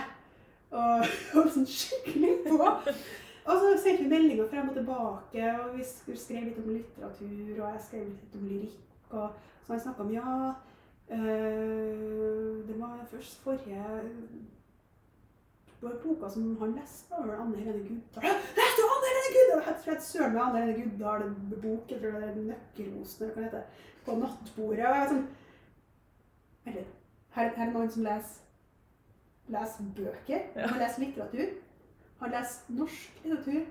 Han leser lyrikk. Han leser kvinner. Ja. Altså, det er ingen som gjør det. Nei, så du har funnet, det eneste mennesket ene. som Jeg har funnet den ene. Så, så det er litt sånn Det, det det, det var helt sjukt hvor Hun hadde jo Aslaug Vaa på hylla og sånn. Altså, hva, hva er sjansen for noe, liksom? Det var bare helt sjukt. Ja, så, så ja, vi ble ja, så spurte jeg om vi skulle være kjærester etter hvert. da, så det sa du ja til. da. Så, så, Gud, så altså. Artig at det blir postkast. Uh, ja, nei, jeg fant jeg fikk meg kjæreste på Tinder. Ja, ok. Ja. Men da er det håp, eller? det er, det, det er håp, sant? Det er Mm. håp. Men, men samtidig så tenker jeg det at den, den måte, problematiske sidene av det som vi har snakka om, de er likevel reelle. Mhm. Og, og jeg tenker at man må være litt sånn påpasselig på seg sjøl og sin, sin egen menneskelighet. og Man kan jo av og til oppleve noe litt ubehagelig. Men, men jeg tenker liksom litt jf. det, det jeg snakker om. også ha, tenk godt over hva man vil. Ja. Og prøve å møte folk på en ok måte og ha få matcher av gangen. Mm. Uh, avklare hva det er, og om det kanskje er noe der. Og prøve å møtes tidlig. Det er fint å sende meldinger, uh, for da kan man bli liksom litt kjent med kanskje peile om man er totalt eller ikke. Men, jeg, vil jo råde folk til å møtes relativt snart, fordi at det som av og til skjer, jo at man, får en, så- man snakker så lenge på melding at man føler at man kjenner hverandre. Mm. Så møtes man i virkeligheten, så blir det veldig rart. Mm. Så det er greit å møtes for det har gått veldig lang tid. Altså, og det er jo hen, det er fungerer for vennene mine også. Altså, så det, det, er, det hender jo det her faktisk, Mm. faktisk fungerer. Og han, samboeren min er jo litt sånn sjenert. han er litt sjenert, sånn at han eh, han syns sikkert, han er sikkert det er helt greit at jeg snakker om det på podkast. men, men, men der er jo det der at kanskje ikke det hadde vært så lett for oss Mm. å møtes i andre settinger. Ja. Uh, mest sannsynlig hadde vi kommet til å gå på veldig mye de samme arrangementene. for Vi liker så mye de samme tingene. Men liksom så hadde det noensinne blitt noe. Jeg i det. Ja. Nej, Nei, og altså jeg, jeg tror, jeg er stadigvæk litt sånn hvor jeg tænker, om Tinder nødvendigvis er for alle. Altså om, Mm. om det er, man, om man skal ha et eller annet bestemt ja, mm, tilgang, personlighed, hva det nu er. Øh, eller, altså fordi hvis, hvis altså når jeg ser tilbage, altså de øh, længerevarende forhold, jeg har haft, mm. det har ikke været igennem Tinder. Altså, øh, det, øh, ja, og, og, og, så tænker jeg, om, og jeg, om det rett og slet har noget at gøre med, øh, med personlighed, men, men så på den anden side, der er jo også utrolig mange forskellige mennesker på Tinder, så det burde jo også næsten være mærkeligt, hvis ikke man kunne møde et menneske, som er bare lidt ligesom en selv. ja. Øh, og det heller, som jeg også øh, har været inde på, handler om, om indstilling, og hvordan man også præsenterer det for sig selv. Mm. Øh, ja. Og vedholdenhed. Altså igen, hvis vi skal tage fat om det her med sådan at være øh, øh, vedholdende og have lidt øh, opmærksomhed og ligesom ja. fordybe sig i noget, Mm. så, øh, så handler det måske også om det. Selvom Tinder som udgangspunkt ikke ligger op til for, særlig meget fordybelse og stillstand, så er det måske det, man skal prøve, og så få det Ja. til å være i stedet for. For det er jo helt klart, altså Tinder er jo egentlig en greie som er lagt opp for å fange oppmerksomheten. Mm. sant? Det er jo noen som, det er egentlig ingen som tjener penger på at du faktisk får en match. Du, eller altså faktisk et forhold slutte med, med Tinder, men de, Mm. de selger jo noe på det at du har litt trua på det, da. sant? Sånn at, eh, så det er jo noe at man på en måte må opprettholde en ganske bevisst, eh, bevisst tanke rundt egen praksis. da. Det Mm. tenker jeg er ganske viktig. Ja. Mm. Ja, nei, men øh, jeg føler, vi efterhånden har fått snakket ut om, øh, om Tinder og, øh, og så videre. Det, jeg synes, det har vært riktig, interessant. Øh, og jeg elsker jo det her med at få nogle øh, nye perspektiver, nogle nye inputs. Øh, så nu skal jeg rigtig hjem og reflektere Ja. over mig selv og min tilværelse og min vej ind i biblioteksvæsenet. også. om det virkelig er det, jeg vil. Tør jeg det? Ja, og så vil jeg bare igjen beklage at jeg ikke svarte meldinga di. Det